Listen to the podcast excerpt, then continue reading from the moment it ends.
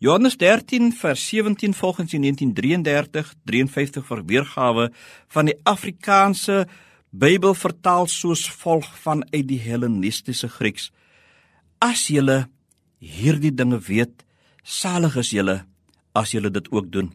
Liewe luisteraar, dit spreek boekdele. Geseënd is diegene wat die geopenbaarde wil van God getrou nakom ook in ons postmoderne dispensasie. Ons leef in 'n tyd van kontroversie.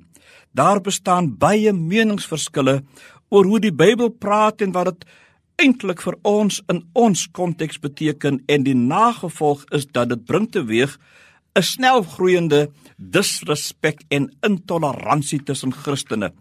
Dikwels haas ons ons na die maklikste kanaal van ergernis uitdruk en misnoë oor verskeie ewige debatte en insigte wat op die beurt weer die kollig plaas op die onverdraagsaamheid van Christen te, Christene teenoor mekaar. Ons wend ons na die sosiale media platforms en ons gaan woeste mondgevegte aan om mekaar te probeer uitlewer as onbedagsaam en onsensitief oor verskeie aangeleenthede. Kenmerkend dui dit dat die eenheid van die liggaam steeds broos is en steier soos die een geestelike leier die ander probeer verdag maak deur roekelose en dikwels kwetsende aantuigings op die verskeie sosiale 'n media platforms. God is liefde. En een van die groot opdragte opdragte uit die mond van Jesus is dat ons God moet lief, lief hê bo alles en mekaar moet lief hê soos ons onsself liefhet. Die verwysing hier is nie na egosentriese liefde en nie ook na die bevordering van narcissisme nie.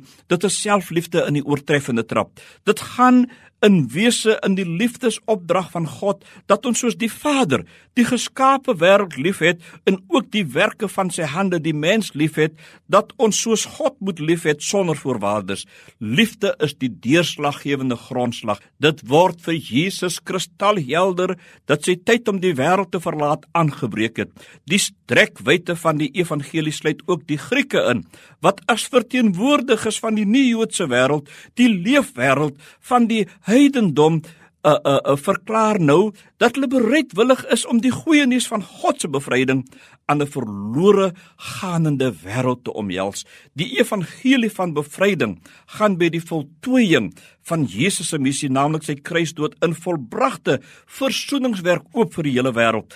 Almal elkeen het nou die reg om kinders van Vader Abraham te word in Jesus Christus.